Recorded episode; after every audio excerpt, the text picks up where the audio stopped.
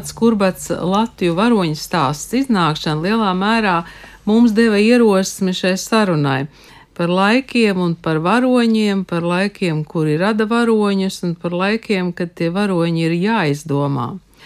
Un vai latviešiem ir savi varoņi, vai tie stipri vai gudri, vai tikai pārdabiskām spējām, un ko varoņi dara ikdienā, Un vai tie ir gan spēcīgi bez sievietēm, un vai trešais tēva dēls ir varonis, un tā tālāk, un tā joprojām. Un es tikai piedāvāju dažus tādus domāšanas virzienus, bet jums katram noteikti var būt savi. Šeit studijā filozofs Skaidrīt Lasmani, labdien! Labdien! Režisora un aktrise Inga Tropa, labdien! Folklorists Guntis Pakalns, labdien! Un dzēnieks Guntars Godiņš, labdien! labdien. Es domāju, skaidrīt, mums varbūt ir jāsāk ar jums, jo jūs teicāt, ka ir tāda definīcija, kas ir varonis. nu, definīcija jau ir, bet definīcija jau visus varoņus nevar aptvert. Kaut kāda maza daļiņa kaut ko būtisku jau pasaka, jo ir Džozefam eh, Kembelam, to jau daudz zina, 49. gada darbs, kur ir tas varoņu ceļojums. Un nosaukums ir, nu, Rainis teiktu, varonis tūkstošveidis, tūkstoši sejām. Varoņi ļoti dažādi, bet definīcija ir viena.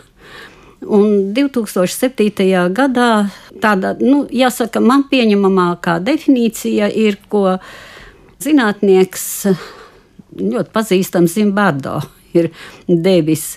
Un tā skan apmēram šādi, ka varonis ir persona, kas apzināti rīkojas citu labā, riskējot ar sevi un galvenais bez atalgojuma motivācijas.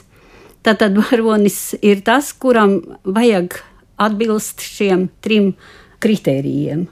Vispirms, tad eh, citu labā, protams, bet daudzi dara citu labā un nav varoņi. Otrkārt, eh, ir jābūt ļoti lielam darbam citu labā. Es domāju, ka pārikdienišķam. Jo citādi ikdienišķi darbiņi citu labā, tā arī nav varonība. Riskējot bieži vien ar savu laiku, varbūt ar, ar savu veselību un tā tālāk. Un trešais ir atalgojuma motivācijai nav jābūt. Jā, diezgan trīs sarežģīti izpildāmi nosacījumi, lai būtu varonis. Uh, Kurbats, viņš apzinās visas šīs trīs lietas - riskēt, būt varonim, strādāt citu labā un bez atalgojuma. Nu jā. Ja par kurbadu tad man jau jārunā, jo tas jau mana radinieka kanclera puškāša palaists stāsts. Viena lieta, tas ir kā pāri laikam šis stāsts, bet otrkārt viņš ir pavisam ļoti konkrētā vietā un laikā radies. Uh, Tas ir 1891. gads. Viņš ir uzrakstīts kādus varbūt pāris gadus iepriekš. Un viņš ir rakstīts arī kontekstā ar pumpuru, kā puškaits redz vārds pasakas un teiks, tad viņš parādīs pumpurs, un trešais bija Lautenbachs Jūsmiņš, kas tolaik laikam bija viszināmākais. Ja? Un puškaits tad nu lika savu versiju no pasakām un teikām. Viņš teica, ka tikai salicis tās pasakas teikas kopā, bet nu, viņš tur bija izdarījis šo to vairāk. Un, lai būtu skaidrība par to kurbadu, uzreiz jāpasaka, ka kurbats šajā gadā parādījās divās versijās. Viena bija tā tautas pasaka, ko mēs labi zinām, un kas ir viena no garākām latviešu pasakām un ļoti daudzās grāmatās, bet tai pašā gadā viņš uzstājas arī šo savu senlatviešu ēposu kas bija tā kā pasaka, bija izmēģinājuma versija, un tad viņš to garo, kas jau bija 80 lapus un konkurēja ar tiem pārējiem. Kādas tur bija idejas, to literatūras zinātnieki var dzīt pēdas. Mēs saskatījos jau līdz Vanem Zimantam, līdz Merķelim. Beigas ir tās pašas, kā abi iet bojā, un pie tam tas ļaunais, protams, izmanto vēl savas papildu iespējas. Tāds ir šis stāsts konkrētā vietā un laikā, bet Pumpurs stāsts kļuva par oficiālo eposu, bet šis stāsts par kurbādu visu laiku kņudina mūs. Tas ir kaut kāds neoficiālais, noslēptais, pazudušais, piemirstais epos, un tāpēc ar viņu kultūrā latvieši ņemās vis visādos veidos līdz pat mūsu dienām. Un šī jaunā grāmata ir vēl viens pierādījums, vēl viena pārinterpretācija šim stāstam.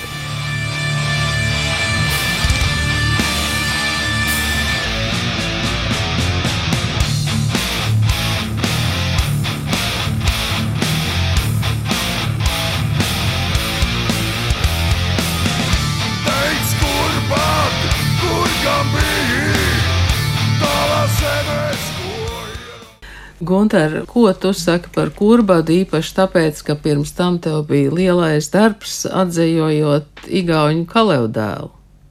Nu, es gribētu tikai vēl piebilst, ka eh, mums arī jāskatās, vai tas ir mītisks, eh, mītisks varonis, vai tas ir varonis, kas nāk no eposa, no klasiska eposa.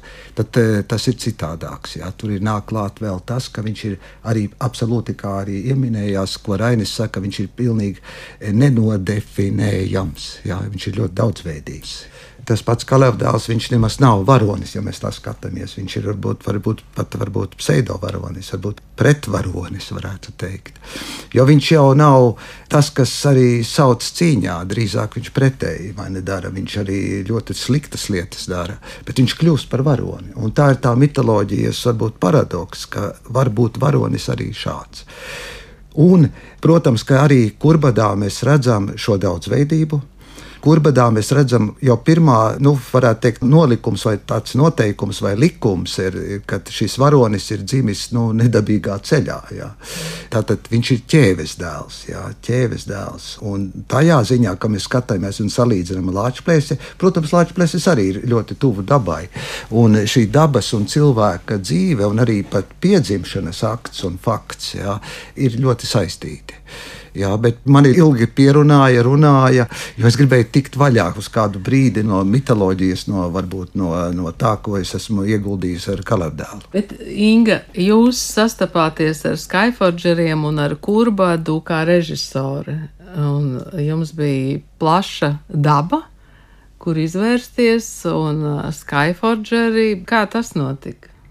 Viss process, kā sākās. Es arī par šo, te, šo stāstu, slepeno stāstu, mazliet kurbedu uzzināju tikai tajā brīdī, kad uh, bija piedāvājums no konkrētiem cilvēkiem veidot šo darbu, un uh, es piedzīvoju tādas ļoti iedvesmojošu procesu, dodoties gan uz Nacionālās bibliotekas folkloras krātuvi un, un jā, saskaroties gan ar šo te eposu, uzzinot, ka konkursu kārtībā šis darbs reiz netika izvirzīts kā galvenais epos. Man jāteic, ka es nezinu, vai tas ir man kā māksliniekam un radošam cilvēkam, kuram ļoti bieži patīk kaut kas šis mazliet aizliegtais, mazliet citādākais. Protams, es ļoti tūlītēji iemīlēju kurbada stāstu. Un, kamēr es jūs klausījos, es domāju par kurbadu.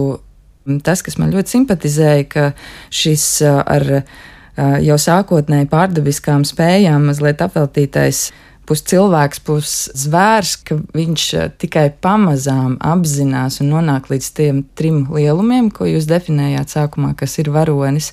Un um, man, kā vienkāršam cilvēkam, kurš arī, kuram ir skaisti ideāli un vismaz vēlme tiekties pēc kaut kā lielāka un augstāka, tad um, šis stāsts šķita kaut kā tāds tuvāks un arī tādā ziņā pieņemošāks. Un vēl kas man simpatizēja, kurbadā man šķita, ka viņā ir daudz lielāka tāda pārliecība un arī negantība. Un patiesībā tā pasaka ir pilna ar asinīm un arī varētu kādā brīdī teikt, cik tad viņš ir tāds labais varonis, bet uh, kas arī iespējams atbilst mana kā cilvēka rakstura iezīmēm, un uh, man patīk šie stiprie, šie drosmīgie, bezbailīgie un uh, tādi. Nu, nešpatnie. Es nevaru atrast tik ātrumā vēl kādu vārdu varoņi, kuri nebaidās nonākt pat visdziļākajā pazemē. Un uh, toreiz tajā interpretācijā šo stāstu mēģinot uh, pārveidot tādā šajā metāla operā, es sapratu, ka galveno akcentu es eh, liku uz to, ka patiesībā tas ir tāds iniciācijas stāsts. Un eh, ka nav pat tik svarīgi tie ārēji apstākļi, ar ko viņš cīnās, bet tas viss process notiek viņā pašā. Un, es nezinu, protams, cik daudz skatītājs to tā uztvēra, bet veicot scenāriju šim darbam, tālāk prezentējot to Skyforgeriem visai pārējai mākslinieciskai komandai. Mūsu vismaz šajās iekšējās sarunās, jā, tas ir paša šī te kurbada, šis te ceļojums, varoņa ceļojums, aizvien vairāk un vairāk apzinoties, it kā sākotnēji cīnoties ar šiem ārējiem faktoriem, bet saprotot, ka šī galvenā un lielākā cīņa ir viņā pašā un ka visas raganas, visi puķi, kas tur vēl nu bija par tiem, ka tas ir mm, viņa paša, arī viņā pašā mītošās daudzās čautnes, daudzās sejas, kuras viņš iemācās savaldīt, lai nevis kā šis teiciens nevis zirgs nes auļos, bet es vadu zirgu. Bet nu, arī tajā gadījumā, kur bats aizgāja, protams, ar katru brīdi apzinoties savu daudz dziļāku un lielāku uzdevumu, kur nav jā, no svaras neatalgojumam. Nu, viņš nonāk tajā lielajā izšķirošajā, kur ir dzīvības nāves robeža jāpārkāpj. Sakiet, vai Antiņš ir varonis? Es tagad atcerējos, kā viņš trīsreiz jāja stikla kalnā un, un viņam saka, ka alga novērš nost no mērķa. Nu, man liekas, ka Antiņš jau par maz ir novērtēts. Mm. Un es domāju, tā ir, nu, tā ir liela nelaime, ka bieži vien par Antiņu smīn, smīkņā, ironizē. Bet es domāju, ka tajā antiņa raksturojumā Rainis tiešām ir pateicis, kas ir varonis. Kā jūs, Inga, ļoti labi to arī raksturojāt, jo varoņi ir dažādi. Mm. Ir tie, kuri galvenokārt ar ārēju spēku karo, un tie tautai ļoti vajadzīgi, jo cilvēkam vajadzīgs glābējs un vajadzīga drošība. Varoņi ir tie, kuri tiek galā ar sevi. Mm ar savu gļēvumu. Un šeit mm. arī šajā kurbada stāstā ir, ka baidās jau tas kurbats mm. šad tad. Bet tad viņš pārvar, un tur jau ir tā varonība, tikt galā ar sevi. Un varbūt tas ir tas modernākais, protams, variants. Un par to varoni, nu, jāsaka, ar savām kaislībām, ar savām tieksmēm, ar nevaldāmo sevi bieži vien, ka tas tiek galā. Bet kas attiecas uz mm, kultūru, tad tur jau ir arī citi nu, līdzīgi varoņiem svētie, piemēram. Jo varonim morāli neprasa. Jūs jau pareizi teicāt varonis nevar tikt galā bez asinīm, bieži vien ar mm. pretinieku, ja tas ir mm. ārējs. Nu, piemēram, militārie varoņi, kas ir viena no parastākajiem varoņu veidiem. Bet nu, varonim vajag būt dažādam. Un varonim vajag tikt galā ar sevi. Bet, kas attiecas uz antiņu, tad tur ļoti labi parādīts šis jājiens stikla kalnā ar sevis pārvarēšanu. Alga novērš Jā, to Nos jūs teicāt. Mērķi, un, un tā visbulīte domā tik uz augstiem mērķiem, un tikai tad. Šodien sarunā par varoņiem un varoņu stāstiem Latvijas radio studijā tiekas filozofe Skaidrīta Lasmane, režisore un aktrise Inga Tropa, dzēnieks Gunters Godiņš un folklorists Guntis Pakalns. Sarunu sākot ar Latviju varoņu stāstu kurbats, runājam arī par varoņu konstruēšanu, mūsdienu varoņiem, zemesardzi un bailēm, bet tas viss vēl būs. Kultūras rondo iztēlojas. Kādi varoņi jums nāk prātā? Nezinu, no pasakām, no mītiem, no pasaules, no šodienas. Ja, nu tagad jau tas viss pagriezies, ka mums vēsture ir pienākusi ļoti tuvu. Un tas, ko mēs lasījām par seniem kariem, tas tepat ir blakus. Un, nu, varonis ir tas, kuram ir jāsaprot situācija. Viņš ir tas, kurš saprot situāciju. Mans pašs stāsts, ka es ieeju dzīvoklī, redzu smirdu elektrības kontakts, un tad es pierunāju, ka ir ielikās jāizslēdz korķi, un man izdevās to kontaktu nomainīt. Jā, bet nu, karā ir savādāk. Karā ir vienkārši jāslaktē, jo laikam pie cilvēkiem tā tas ir pieņemts, ka ik pa laikam ir jāslaktē, jo citādi situācija nevar atrisināt. Tas ir stulbākais, varbūt, kas uz zemes notiek. Un, eh, Šai sakarā arī pie reizes viena anekdote, kas varbūt varētu pamainīt vai pavirzīt tālāk to sarunu. Puika prasa, tēti, kad visi sliktie cilvēki būs nogalināti, tad paliks tikai labie cilvēki. Tēti saka, nē, tad paliks slepkavs.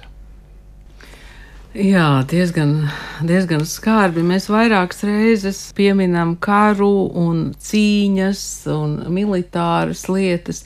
Vai tas nozīmē, ka tādos relatīvos miera laikos varoņi vispār nav vajadzīgi? Es domāju, ka kara laikā viņi jau ir uz tā kara lauka. Bet e, tas varbūt ir varbūt pat vienkāršākais ceļš. Jā. Tas tāpat kā teiksim, brīvs ir drīzāk ieslodzītais nekā tas, kas atrodas ārpus žoga. Jo tas, kas ir ieslodzīts, viņš ir brīvs, viņam vairs nav īpaši vairs par ko domāt un, un kaut ko darīt. Tātad viņš ir atradis savu ļoti dīvaino brīvību, to ieslodzīto brīvību. Un tāpēc es domāju, ka e, tieši varonis parādās e, tad, kad nav šī kara. Karš jau ir rezultāts. Bet kā viņš nonāca līdz tam, to mēs arī redzam kurbadā. Jā, šie nu, iniciācija, mēs pieminējam šīs uzdevumi, tas būtībā ir, varētu teikt, tas ir rituāls. Jā, tad, tad viens rituāls ir, teiksim, šis nāktas briesmonis ar, ar cik tur tam, ar trim galvām, ar sešām galvām, ar deviņām galvām. Tātad e, tas ir pat tāds rituāls, viņš gatavojas. Tātad tā lielā cīņa jau sākas pēc tam, ka viņš ir nogalinājis tos visus trīs. Jā, tad sākas tā cīņa ar to, ar to čūsku. Un nu, pati, pa vidu, jā, tad jā, iznāk, jā, jā. grūtāk cīņa ir ar sievietēm, tieši tā, ar vīriešiem. Tā, jā, jā, jā. Nu, tur nāk pār tiltu, tur viņš tiek jo, galā. Tur tie slāņi tā jā, sakrājās tik dažādi. Jā, un at, atšķirībā varbūt no, no, no, teiksim, no, no lāčplēšiem, mēs runājam par latviešiem, ja, tad e, kurbats šajā ziņā ir arī savā ziņā ir intelektuāls. Ja. Viņš nav tikai tas stiprais, jā, tas spēks ar zobenu. Bet nu, viņš, viņš prot, sievietes, jā, bet, kur pats prot arī atšķirt kaut vai kukainīšu valodu, vai, vai teiksim, viņš saprot, viņš to dzird. Jā, tas ir arī tāds ļoti dziļš, varbūt folklorisks, jā, par ko varētu atkal diskutēt un tā tālāk. Un atkal tā tuvums ar dabu kas eh, atkal Latvijas maz tik tuvu nav. Latvijas ir diezgan tādas attiecības gan ar Spīdovu, gan, gan ar Laimdotu, jā, nu, tādas sadzīviskas, varētu Raiņa. teikt. Jā, jā, jā. Ir tāds pētījums par to, ka kam varoņi ir vajadzīgi. Varoņi ir vajadzīgi nogurušiem cilvēkiem. Es nezinu, vai skolotājiem, par kuriem parasti saka arotbiedrība, ka tie ir izdeguši, vai viņiem vairs varonis ir vajadzīgs, kas iedvesmo. Jo varonis ir tas, kurš izraisa apbrīnu un iedvesmo kaut kam. Un miera laikā ir cilvēki, kuriem ir vajadzīgs šāds stimuls. Un tad tiem arī atbilst varbūt ne kurbats, varbūt kāds cits varoņu paveids, varbūt tie rāņu varoņi. Okupācijas eh, muzeja jaunajā ekspozīcijā Ingu un Elere stāstīja, un eh, viņa teica, ka Lūk, šeit ir eh, mūsu sirdsapziņas varoņi - Gunārs Astra, Vizma Belševica un Knuts Skujnieks. Arī Daroņienus varētu nosaukt, mm. vai ne? Tad, tad viens ir arī šī varoņa ilgspēja, ja? nesalūst un palikt varbūt varonim uz ilgāku laiku. Un to ir darījis gan Daroņina, gan Gunārs Astra. Uh, un arī Knuts Skujenieks. Jā, un, un, un tas ir apbrīnojams. Un arī neplātīties ar to, ka viņi ir sēdējuši tur vairākus gadus, gan lēģeros izsūtīti, un to dara gan Daroņina, gan, protams, Knuts Skujenieks, un arī to noteikti darīja arī Gunārs Astra. Tā kā, nu, te atkal varētu teikt, nu, tā ir tā smago varoņu teiksim, izturības. Jā, tas arī iedvesmo. Nevis tikai nu, plaši vai skaisti vārdi, bet arī tas, ka, ka teiksim, viņi ar to nelielās. Jā, viņi to patur pie sevis, ko viņi ir gājuši cauri. Un viņi ir gaiši, teiksim, jā, skatoties, ko Daroņi runā, kā viņi runā, vai ko Knuts Klīnieks raksta savā dzējoļos. Bet vai neplātīties nepiedara pie tā um, punkta bez algas? Vai tā slava un plātīšanās nepiedara pie algas? Nu, varonis jau nekad nedomā par to, ka viņš būs varonis. Mhm. Viņš Līdz dara pēdējā, savu darbu, vai nu viņš sevi pārvar. Jo es nedomāju, ka šiem nosauktajiem cilvēkiem arī nebija tās pašas bailes. Mhm. Bet tā ir pārvarēšana kaut kāda principa vārdā. Bet parasti jau arī varoņus dala divās grupās. Tie dzīvie varoņi, Un tas, ko jūs nosaucāt, daži no viņiem tiešām dzīvi. Vārda tiešām nozīmē, un ir kultūras varoņi, jo kurbats jau ir kultūras varonis. Viņi ir stāstos, narratīvos. Un tas pats dzīvais varonis arī pārstāstīts, viņš jau arī savādāk skan. Un bieži vien nu, varoni var radīt, viņu konstruē varoņa konstrukcija, varoņa narratīvs ir nemazāk vajadzīgs par dzīvu varoni bet ir vajadzīgi visi. Un šie dzīvie paraugi, tie ir paraugi. un, un iedvesmai un pārliecības stiprināšanai. Un kā es varbūt tā varēju, bet es tā nedarīju, neizdarīju. Tagad man ir nožēla. Arī man. Bet tā varoņa konstruēšana, cik bieži tā notiek, teiksim, nu vienas tautas mūžā? Ik pa laikam ir jāatjauno tas varoņa stāsts vai jārada atkal jauns varonis? Laikam jau ir jāatjauno, un, jo situācijas un laiki jau mainās. Un, bet vēl ir viens varoņu tips, un tie ir politiķu taisītie varoņi. Otrais pasaules karš un viss tie stāsti par Pāviliku Morozovu, Zoju Kosmodemjantu, kur nekas patiesībā nav bijis, bet kā politiķi pienāk brīdis, kad viņi izmantojot šo varoņu tēlu ar mums manipulē, lai panāktu savus vai kopējus, nu, kādi tie mērķi ir. Arī, arī tas ir jāskatās. Mums jābūt pietiekami gudriem to redzēt. Ja mēs vispār varam redzēt pāri tām lielajām manipulācijām.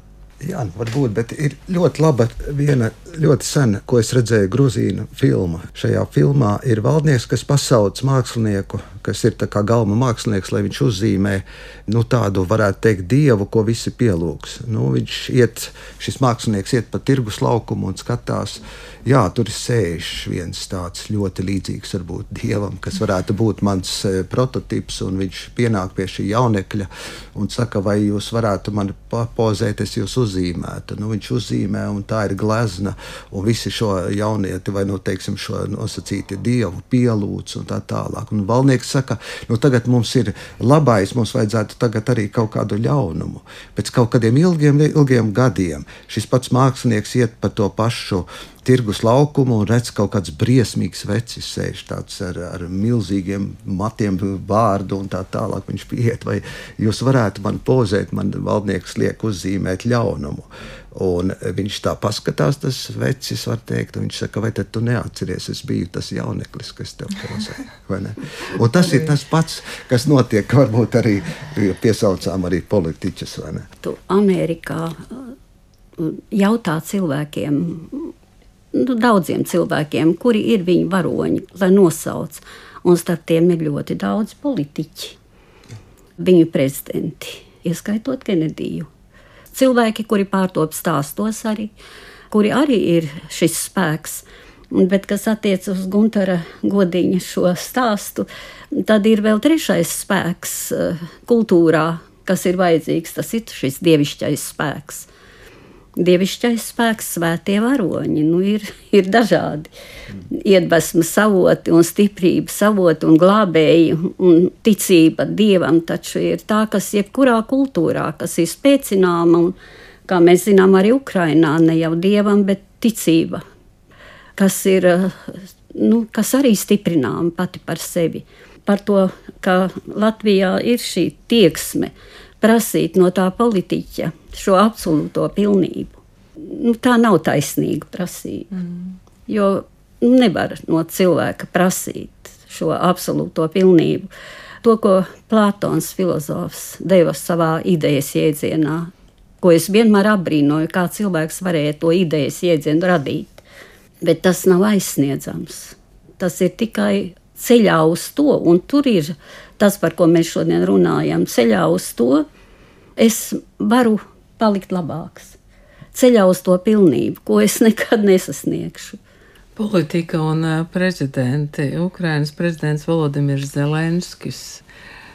Vai ir varonis, un uh, vai viņā arī nav tā līdzība ar Antiņu? Atcerieties, tad, kad viņš kļuva par prezidentu, diezgan daudz smīkņāja, nu tāds komēdiju aktieris. Kas nu tur būs? Ir varonis.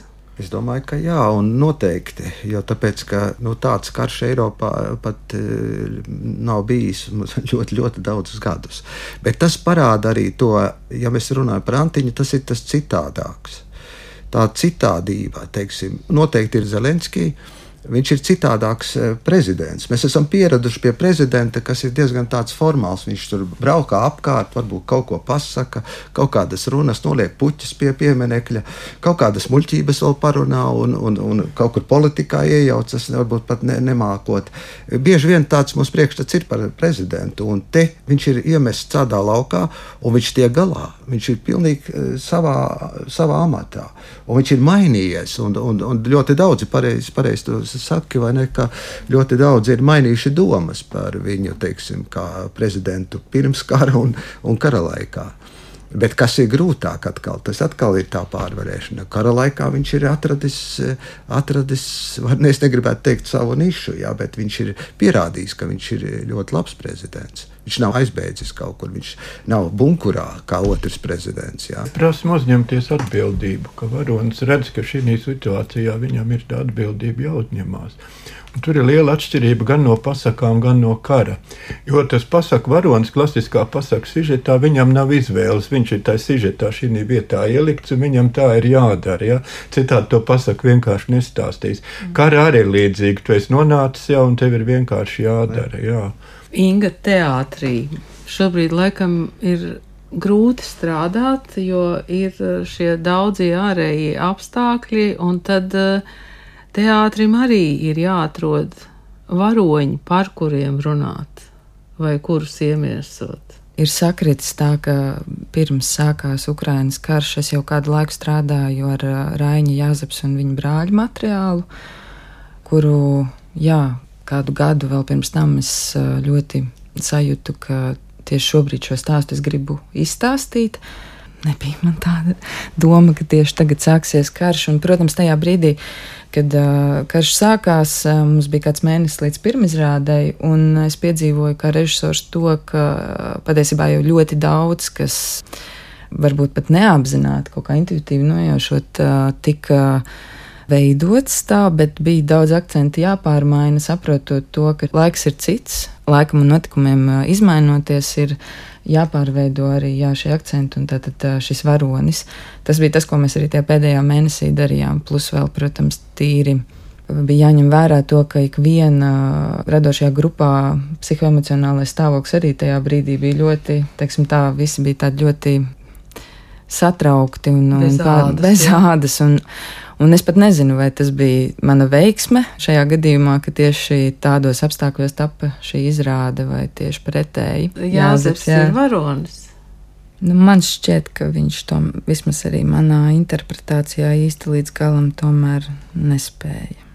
Es arī ilgi ar, lasot Raņa darbu, daudz domāju, daudz diskutēju ar, protams, iedomāti ar Raini, un man šķita, ka tas, kā es to spēju nolasīt, ka viņa jāzeps, viņa oriģinālais jāzeps, tomēr līdz galam nespēja gan piedot, gan bez šīs te algas iegūšanas, un tā aiziešana tuksnesī bija tāds.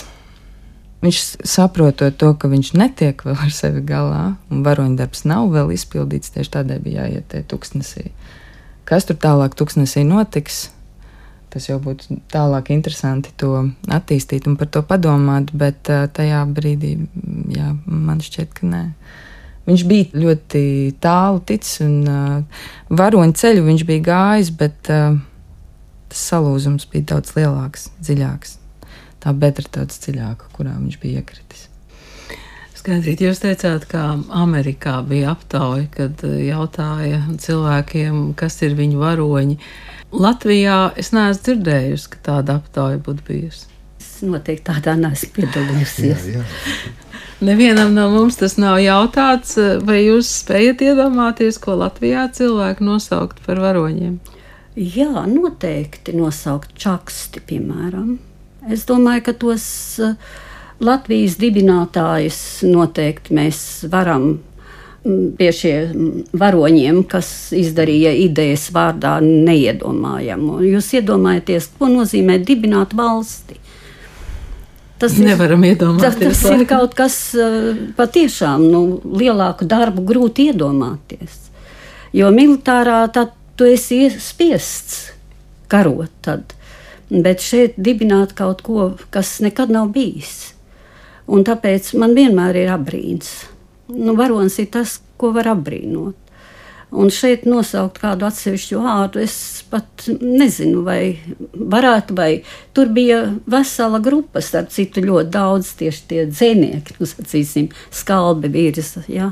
Jā, skaidrīt, bet jūs nosaukt šos cilvēkus, bet ja jautātu tādiem patsmitgadniekiem, es pat nevaru iedomāties, ko viņi varētu nosaukt. Inga, varbūt jūs zinat. Aptuveni nojaušu, bet tādēļ vēl jau vairāk, kā režisors arī mērķiecīgi strādāja, ka, manuprāt, ir daudz svarīgāk nevis ņemt, nu, tagad domājot tā simboliski supervaroņus un kas tur kaķis sievietes un tā tālāk no citu tautu kultūras, bet man šķiet ir ļoti būtiski būtiski paņemt visas tās bagātības, kas mums ir. Un tur tiešām ir ļoti daudz, un tie kodi, kas ir mums ļoti atbilstoši, un paskatīties, varbūt kā vēl interpretēt to atbilstoši šim laikmetam, iedodot, jo katrs laiks eh, prasa kaut kādas citas šos akcentus un vērtības izcelt. Un, eh, jā, tad es mērķiecīgi daru to, ka es eh, ņemu no šīs te bagātību lādes gan tie pasaku varoņi, mm. gan iekšējie šie varoņi, raiņa pārdomas, tā filozofija, kur mm. cilvēks var ar sevi tikt galā, kur viņš nevar tikt, kur tā, kur tā nu, iedurtā aizvainojuma sajūta saglabājas, mm. nodevība. Viena ķēze latviešiem ir, ka mēs ļoti koncentrējamies savā pagātnē, un folkloru mēs neskāpēc identificējam ar pagātni, kaut gan Viņa nemaz nav tāda pagātne. Tur daudz tie folkloras tēli arī tās pasakas, nu, pamatā viņas ienāca 19. gadsimtā. Arī, bet mēs ļoti daudz konservējam no, no kaut kā 19. gadsimta mītiem. Ja, un kurbats ir vēl viens mēģinājums pārstāstīt mūsdienīgā valodā tiem, kas saprot, nu, tīņiem viņa tā grāmata ir domāta. Tāpēc arī man vizuāli, ļoti, ļoti interesē, vai viņi dzīvos šādā versijā tālāk vai nē. Bet viena ķēze, kā jau teicu, latviešiem ir tā pagātne, kā teiksim, nu, Nacionālā biblioteka. Tur arī bija šis cikls, kalns un antiņš. Ja? un gribēja tur, bet, nu, Antiņš, nu, viņš ir viens pats, un tā būvēsim, lai viņš iet uz to biblioteku, pāriem to biblioteku nevajag. Ja? Pēc tam nomainījis to gaismas pili, kas kaut kad tālā nākotnē celsies augšā. Tur ir tā, ka, var sakot, nu, mēs kaut kā atpaliekam no tiem mītiem. Nu, tautai ir jāiet uz priekšu, nevis visu laiku jāskatās pagātnē, ja? bet mums kaut kā tie, tie mūsu varoņu stāsti viss ir kādreiz senos laikos vai kaut kad tālā nākotnē būs. Ja? Un, nu, man liekas, ka latviešiem ir ar tiem saviem mītiem un varoņu stāstiem jākļūt kaut kā modernākai, mūsdienīgākai, dinamiskākai. Ir arī ļoti daudz šī mūsdienu folkloru, un jaunie jau skatās, jo tie filmu varoņi tā jau ir tāpat mūsdienu folkloru, kur ir vecās mītu struktūras izmantotas. Viņas tikai ir jaunos, jaunos tēlos izstāstītas jaunā valodā. Bet, eh, Goti notiek, eh, nu, kaut vai ar Kalevu dēlu, ja, kad es skatos, ir tagad no Kalevdāls kā epos, kā diezgan klasisks epos. Jā, tūlīt pēc Kalevālas varētu teikt, ka Kalevdālā ir tās pašas principi un vispārējais, kas ir vajadzīgs. Bet, piemēram, Kalevdālu, par Kalevdālu uzrakstīja uzvedumu, ko varbūt Inga var ņemt, un Andrus Kivireks. Tur ir vienkārši tāda nu, ironija un tā tālāk, tā kā arī tas dzīvo. Tad ir dzinieks Svens Kivīsildnieks uzrakstīja Kalevdāls un mīlestība, kurā ir nu, tikai ironija. Jā, tad, eh, var sakot, Igauni to uztver ļoti mierīgi. Jā. Nu, Andrusam Kirverekam ir kaut vai Igauni bērns, kurā parādās visas tās svētās lietas, ko mēs nedrīkstam runāt. Bet viņš runā, un viņi ironizēja. Viņi tur sēž tur pirtī un spriež, kas tur un tā tālāk. Un tā, tālāk.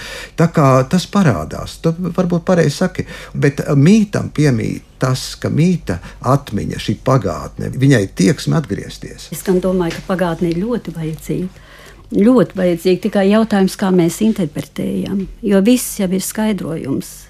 Jebko var mūsdienīgi izskaidrot kodi, kas eh, cikliski atkal un atkal atkārtojas. Un, un tieši tajā Tas skaistums ir tajā, ka atkārtojoties nāk vēl klāt jaunā interpretācijā citas krāsas, citas kaut kādas čautnes, un skaidrs, ka tas nāk no kaut kādiem pašiem pamatu pamatiem, un ka katram laikam ir vajadzīgs kāds, kurš atkal izdzīvo šo varoņu stāstu. Un patiesībā, ja viņš veic to lielo varoņu stāstu uzdevumu jaunā interpretācijā, tad man šķiet, ka viņš arī kolektīvi visiem veids tādu nu, šo lielo lielo rituālu, kur visi enerģētiski sakārtojas. Tā pasaule atkal ir piedzīvojusi to lielo sprādzienu un jaunradīšanu, un viss atkal nostājas savā veselumā, un, un dzīvīgumā, un mūžīgumā un tā tālāk.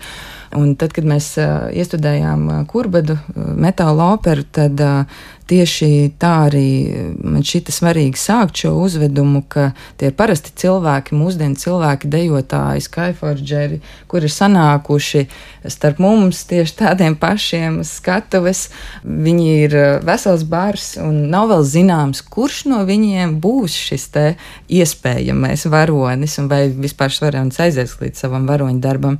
Un pamazām caur kā nevainīgu spēli darbošanos top skaidrs, kurš ir tas izredzētais, kuram būs jāiet šis viss iniciācijas ceļš, un var pastāstīt, ka arī, protams, kā mākslinieki mēs redzam, kur tās robežas dažkārt ir tik eh, tuvas gan tam, kas tiek radīts, gan arī tam, ko mākslinieki izdzīvo, tad eh, šajā gadījumā kurbeda lomas atveidotājs uh, ģirts, pēkšņi es aizmirsu, piedod ģirt tavu uzvārdu, bet es domāju, ka viņš arī pats kā cilvēks piedzīvoja pamatīgu šo te iniciāciju un bija pārbies brīžam pavisam, pavisam ļoti, vai viņš spējas tiešām šo uzdevumu paveikt, gan tādēļ, ka tas bija fiziski grūti, nu, iztēlojieties uh, gabals pēc gabala, Skyforge ir ļoti dinamiskajā mūzikā, aktīvi kustēties, piepildot trīs līmeņu skatuvi, nu tur ir ko turēt gan arī emocionāli un uh, garīgi, saturiski iznes šo visu, bet viņš ar to tika galā. Katram laikam vēl ir svarīgi, laikam, to mītu atkal un varoņu stāstu izdzīvojot, kas ir teiksim, tā gala noslēgums šim mītam. Un es, man bija tāda iespēja paspēlēties divas reizes. Viens tātad uzvedums tapa Limbažos un otrs Lucavas salā. Un tur ir diezgan liela atšķirība, jo šajā pirmajā uzvedumā, teiksim tā, es kā arī šis darba režisors, acīm redzot vēl tādā nu, maksimālisma jaunības iespējā, man šķita, nu, ka tas varonis tiešām tā, nu, tad nāvē līdz galam viņš ir jāsūta, un tad uh, viņa šis upuris nes visiem tālāk dzīvību. Un savukārt uh, Lucavas salā. Vērojot jau arī kaut kādas norises, un esot tāds 30 gadnieks un skatoties apkārt esošo sabiedrību, man šķita, ka tam varoņu stāstam ir jābeidzas citādāk, ka man šeit nav obligāti jāizsūta fiziskā nāvē šis varonis. Viņš ir uzveicis savu ego un savu ievainojumu, Bet uh, man šķiet, ka šajā laikā it sevišķi mums ir svarīgi, ka tas varonis ir arī šeit klātesošs, arī šajā dzīvē, ka viņam ir turpinājums, un tāpēc man šķita ļoti būtiski, ka kā jau vietas vīrs kā dzimtas turpinātājs ar savu šo te princesi jau kā viedu sievu, un viņiem ir bērns, un mēs visi kā tādi kurbeda turpinājums, šīs cilts turpinājums, jo man šķiet, ka mums iztrūks šo te viedo vīru, viedo sievu, šo varoņu, kuri ar savām zināšanām dod mums to vajadzīgo enerģiju, lai mēs varētu pilnvērtīgi attīstīties kā sabiedrība. Cik jums skaists stāsts! Paldies! Jā, jo mītam un teiksim, klasiskajam eposam nepiemīt mūsu laiks. Tas, tas, tas, tas ir mītiskais laiks. Jā, to, tas nesākas, nebeidzas. Jā. Viņš mm. kaut kad ir sācies, bet mēs nevaram konstatēt precīzi, kad ir tā pasaule radīta mitoloģijā. Un e, kad arī šī pasaule nu, beigsies. Jā, tā. un par to kurbadu, kam teiksim, es arī ļoti ilgi domāju, man, man īsti nepatika. Es zinu, kā Kalevdēls tur tiek pie klints pieķēdēts un bez kājām. Jo tas saindētais zobens ir tās kājas e, nogriezis viņam, un viņš ir uz balta zirga, viņš ir nemirstīgs. Tā liekas, ja? un man tas kurbada arī mūs, mēs sastopam ar to, ka kurbats iet nāvē, ja? un e, tad, kad mēs tikāmies ar, arī ar, ar, ar vairākiem cilvēkiem, kas veidoja to projektu, es tomēr teicu, ka, ka es negribētu kaut kā, ka viņš tā, tā, tiek atkal atdzīvināts un atkal tā kā pasakā, vai ne? Un es tomēr e, transferēju, teiksim, šo, šo nemirstību vairāk uz to dēlu. Man vēl ir Ingai jautājums. Eh, varbūt tas ir eh, par daudz eh, personīgi, bet um, toreiz, kad mēs runājām par Jāzepu pēc izrādes, mm. Inga nevis ēterā, bet promējot, man teica, ka viņa ir iestājusies zemesardzē. Tā ir taisnība. Jā, tā ir taisnība. Es esmu tieši tāpēc tāds mazliet sagurums no priekšapmācībām, un uh, pavisam drīz, ir, uh, drīz sekos zvērsta došana, un tad jau intensīva pamata apmācības programma. Jā, un uh, es ne, nezinu, cik liels tas ir kā varoņdarbs vai, vai nē, uh, bet uh, tajā brīdī, kad arī jau izskanēja Godīgi es esmu arī vienlīdz nobijusies, un es apzinos, ka zem tā slēpjas manas bailes, mana vēlme kaut kā kontrolēt situāciju, lai cik muļķīgi tas būtu, un mans gļēvums.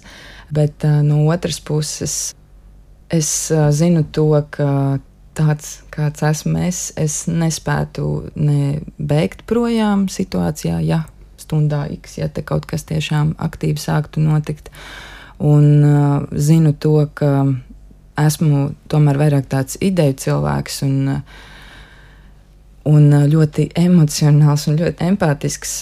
Un, vienmēr esmu iestājusies par brīvību un dzīvību, tad uh, es zinu to, ka man vajag iegūt apzināti iegūt zināšanas, kas man palīdzētu šajās ļoti sarežģītajās, eh, sarežģītajās situācijās, mirkļos, kur, protams, tas būs milzīgs izaicinājums, kā vēl uz to katrs mēs reaģēsim. Bet, eh, ja man ir es, šī apzinātāka rīcība, es esmu jau sevi smagos treniņos iepazinusi, sapratusi, kur ir mans vājums, kur ir mans spēks, un jā, ir arī konkrēti zināšanas, tad es ceru, ka es varu sākot ar sev tuvākiem cilvēkiem un ikvienu šeit esošo cilvēku palīdzēt es apzinos to, ka tajā brīdī es, tas tiešām tā nav loma, loma spēle kā teātrī, kur es uz kādu brīdi nospēlēju šo lomu, un tad es atgriežos savā realitātē. Es apzinos to, ka tas tā nav, tas viss ir vairāk kā simtprocentīgi nopietni, un, un ka es riskēju ar savu dzīvību, bet uh, atkal un atkal ar sevi diskutējot par to. Man prieks, ka ik viens cilvēks, kurš man provocē un saka, stulbā, ko tu dari, kāpēc tu kaut ko tādu dari un kāpēc sieviete teica jādara, tas liek man atkal sevi kārtīgi parunāt un atkal un atkal nonāku līdz tai atbildēji, ka jā, Inga, tas ir tas, ko tu darīsi, ko tiesi un darīsi. Un uh, redzot arī tagad šajās te priekšapmācībās visus šos cilvēkus, starp citu, ļoti daudz sievietes dažādos vecumos. Uh, ar arī bērniem, tāpat kā es. Un, uh, man, es, uh, es tik ļoti esmu pateicīga visiem šiem cilvēkiem. Man jau viņi šķiet kā varoņi ar šo lēmumu. Piedodiet, ja es palikšu emocionāli kādā brīdī. Jo es saprotu, ko viņi liek uz, nu, kas ir tas, ko viņi ir gatavi ziedot. Un pat tagad, vēl tieši tā, nekam nesākoties, tas ir milzīgs notikums, ko katrs, manuprāt, no mums ir dziļi iekšēji risina. Un tur vajag milzīgu drosmi. Lielai cilvēku daļai tas, ko jūs, Inga, sakāt, tas ir vajadzīgs iedvesmai. Un arī jūsu stāsts ir stāsts, kas vajadzīgs iedvesmai. Pirms dažiem gadiem tie arī rādījās, radio sprieda par tiem varoņiem, un tad arī viens no svarīgiem motīviem bija, ka ir vajadzīgs stāsts.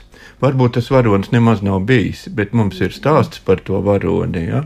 un tas stāsts dara savu darbu. Un puškaitim varbūt neizdevās manas vecmāmiņas brālim to stāstu izstāstīt ideālā formā, un tāpēc citi cenšas viņam vairāk nekā gadsimtu palīdzēt to izstāstīt. Ja? Bet viņš jūta, ka tas stāsts ir jāpalaiž pasaulē. Pasaka nav noslēgta. Mēs varam stāstīt, un mēs, protams, kā mēs zinām, kā pasakā notiek, vai pasakas stāsta. Arī makšķernieku pasakas, jā, var visu kaut ko tur stāstīt. Viens stāsta tā, pēc tam otrs pilnīgi atgādi vēl stāsta. Un tikai tad tā pasaka arī dzīvo. Varbūt, ja, ja nebūtu Skyforger uzveduma, nebūtu šis dziesma, nebūtu tas, tas, tas, patiesi varbūt mēs zinām, tā mums arī bija kurbats. E, nu, nu, labi, bija varbūt labs, bet tāpat arī turbadu. Kurbats par ķēvis dēlu, vai ne? Tas arī ir trimdas jau, trimdas varonis, varētu teikt, trimdas e, kurbats, jā, kas arī ļoti būtiski. Te atkal cita ironija parādās. Te, man, tas ir patīkami. Un, ja tik daudz ir, e, teiksim, attieksme pret šo darbu, tas nozīmē, ka tur ir vērtība. Jā, jā, tā. Nu, tāpat kā stāstiem eh, nav nobeiguma arī sarunām. Parasti gandrīz nav nobeiguma. Mūsu sarunas ierobežo tikai raidījumu chronometrāžu, bet es esmu jums ļoti pateicīga par šodienas sarunu, un man šķiet, ka šeit izskanēja ļoti daudz dažādas domas, kuras varētu atkal turpināt pa vienai vienu. Paldies filozofijai Skaidrītē Lasmanai, paldies režisorei un aktrisei Ingai Tropai, paldies. folkloristam Guntim Pakalnam paldies. un dzēniekam Guntaram Godiņam. Paldies jums! Šo raidījumu cerībā uz bezgalīgiem stāstiem un bezgalīgām sarunām veidoja Santa Laugansas pavasaris Valdis Raitums un Ingvilda Strautmane. Skyforger šodien iedod savu urbana ritmu. Tu jau nav!